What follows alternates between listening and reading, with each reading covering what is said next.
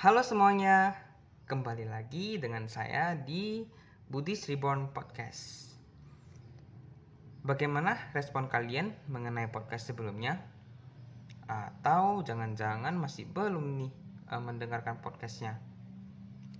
Nah, kalau misalnya BR fans belum dengar, boleh ya disimak dulu podcast yang sebelumnya agar isinya itu lebih terarah dan lebih sejalan. Podcast kali ini merupakan lanjutan dari minggu lalu. Jadi langsung saja ya saya lanjutkan. Ulasan terakhir berkaitan dengan ketenangan dalam melihat masalah.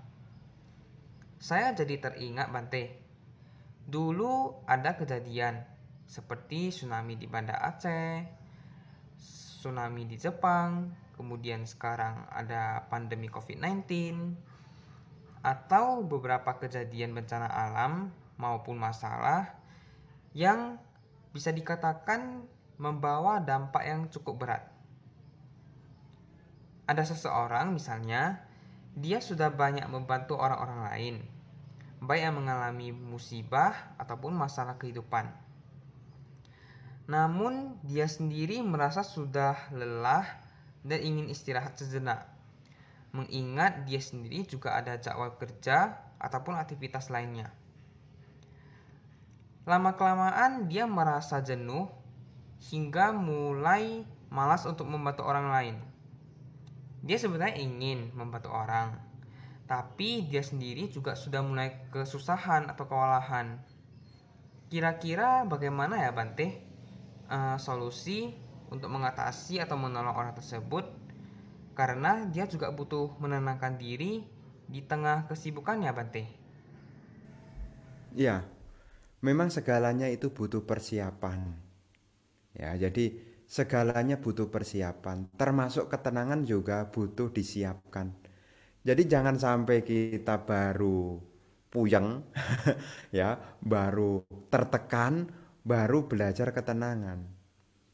Nah, jadi ini sebagai pengingat kepada kita semua supaya kita mempersiapkan dari sekarang.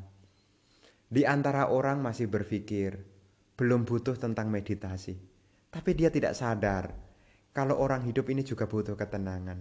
Selain butuh kesenangan.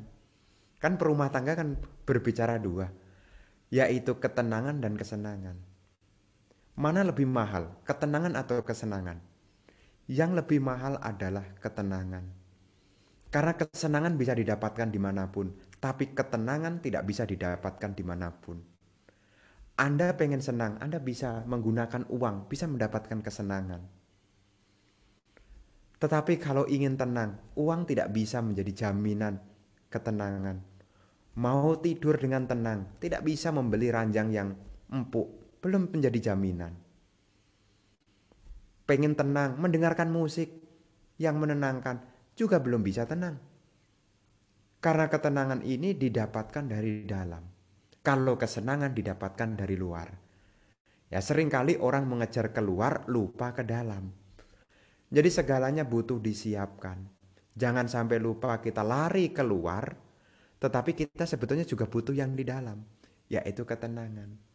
Makanya rumah-rumah yang makin mahal harganya, rumah-rumah tinggal yang makin mahal harganya, bukan yang dekat dengan kesenangan, tetapi makin mahal karena tempat itu adalah tempat yang menenangkan. Tempat yang menenangkan itu jauh lebih mahal. Sampai dibuat klaster khusus, bahkan untuk masuk saja melawit, melewati berbagai macam security. Kenapa? Tempat ini sangat privasi, berarti apa? Sangat tenang tanpa ada banyak gangguan. Demikian pula dalam kehidupan Ketenangan bisa kita miliki ketika kita membuat yaitu persiapan bagaimana cara menenangkan. Untuk dapat tenang kita bisa memulai dengan latihan. Dari 24 jam yang kita miliki, sisihkanlah sebagian untuk hening saat ini, hening sejenak, lihatlah ke dalam. Rasakan nafas yang masuk dan yang keluar. Selain nafas diabaikan atau merasakan sensasi tubuh yang rileks. Selain sensasi tubuh diabaikan. Berlatihlah untuk mendapatkan ketenangan satu tugas, satu pikiran. Jangan sampai pikiran kita dijejali banyak hal. Akibatnya kita menjadi banyak kepikiran, bukan mendapatkan ketenangan, tapi malah mendapatkan kekacauan. Ya, jadi di sini yang perlu Bante sampaikan adalah persiapkanlah dari sekarang, yaitu latihan pengembangan ketenangan. Dipersiapkan. Jangan nunggu susah baru mencari. Ya, segalanya butuh persiapan. Jangan berpikir, "Oh, belum butuh." Ya, sama seperti kalau kita jalan-jalan. Mungkin kita belum butuh yaitu air minum karena kita saat itu memang belum haus. Tetapi cepat atau lambat kita akan butuh air minum. Membawa botol air minum ini membebani.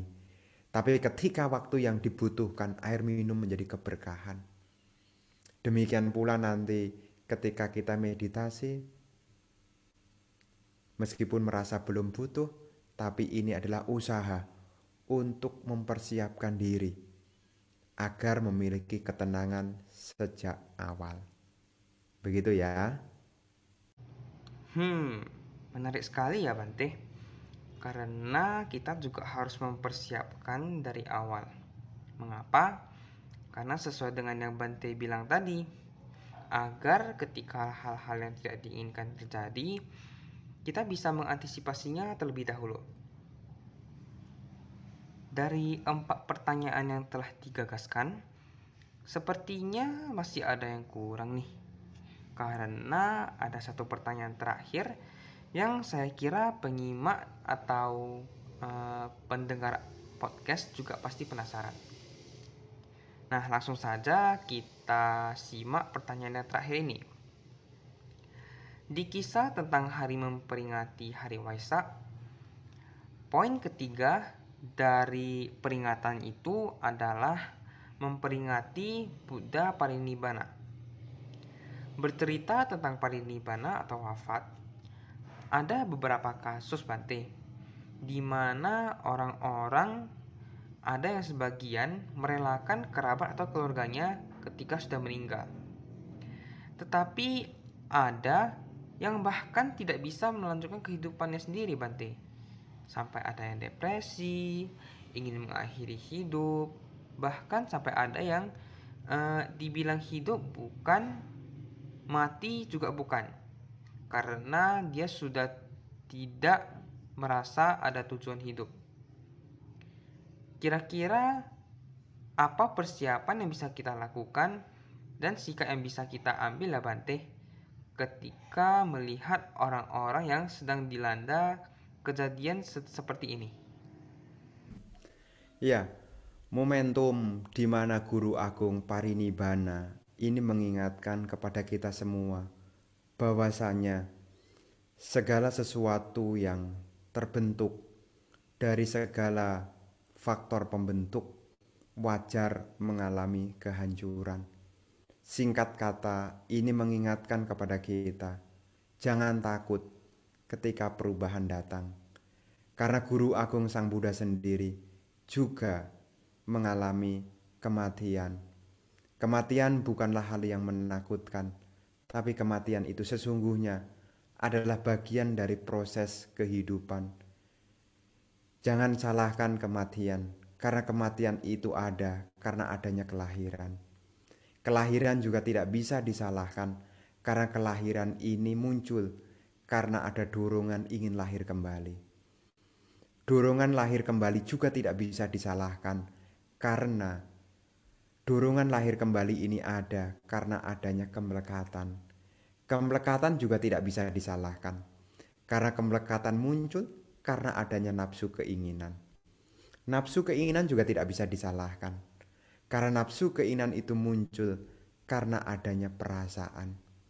Perasaan juga tidak bisa disalahkan, karena perasaan muncul karena adanya kontak. Kontak juga tidak bisa disalahkan, karena kontak terjadi, karena punya pintu indria. Singkat kata, segala sesuatu yang muncul ada sebabnya. Di mana ada pertemuan, maka di situ juga ada perpisahan. dan Guru Agung Sang Buddha pernah memberikan nasihat yang baik kepada kita. Kehilangan harta bukanlah kehilangan terbesar. Kehilangan kedudukan bukanlah kehilangan terbesar. Kehilangan sanak saudara juga bukan kehilangan terbesar. Kehilangan terbesar ketika seseorang kehilangan kebijaksanaan. Dengan kita mengerti kehidupan yang senantiasa berubah, akan menambah kita menjadi dewasa secara spiritual, sehingga kita bisa menerima kewajaran ini sebagaimana adanya. Dan di dalam momen Sang Buddha Parinibbana ini juga mengingatkan kepada kita, sebelum kita mencapai apa yang hendaknya dicapai, teruslah bersemangat. Jangan sampai kita menjadi lengah. Janganlah kita sampai berhenti sebelum kita mencapai apa yang menjadi impian kita. Terus semangat agar menjadi orang yang bermanfaat, baik bagi diri sendiri, baik bagi keluarga, termasuk juga baik berguna bagi nusa dan bangsa. Semoga para rekan-rekan semuanya saudara-saudari sekalian senantiasa terus terinspirasi bersama dengan Dhamma. Semoga Dhamma yang telah dimiliki ini senantiasa mendukung kemajuan baik kemajuan di dalam karir, baik kemajuan pada apa yang sedang diusahakan dan akhirnya bisa mendukung pada pencapaian dari akhir penderitaan. Terima kasih atas waktunya. Semoga semuanya berbahagia. Semoga semuanya sehat dan semoga semuanya terbebas dari berbagai macam malapetaka. Sabe sata bawantu sukitata, semoga semua makhluk berbahagia. Dari pemaparan yang satu ini bisa saya lihat bahwa hidup itu senantiasa berubah, tidak ada yang kekal. Oleh karena itu, hendaknya kita menyikapi hal tersebut sebagai pengalaman untuk diri kita sendiri. Karena dengan adanya pengalaman ini, kita bisa menambah kedewasaan ataupun menambah spiritualitas kita. Bercerita tentang hidup itu tidak ada yang kekal, begitu pula dengan masalah. Masalah tidak ada yang kekal dan semua pasti ada solusinya. Yang perlu kita lakukan adalah jangan putus asa. Hendaknya kita selalu mencoba mencari solusi yang tepat.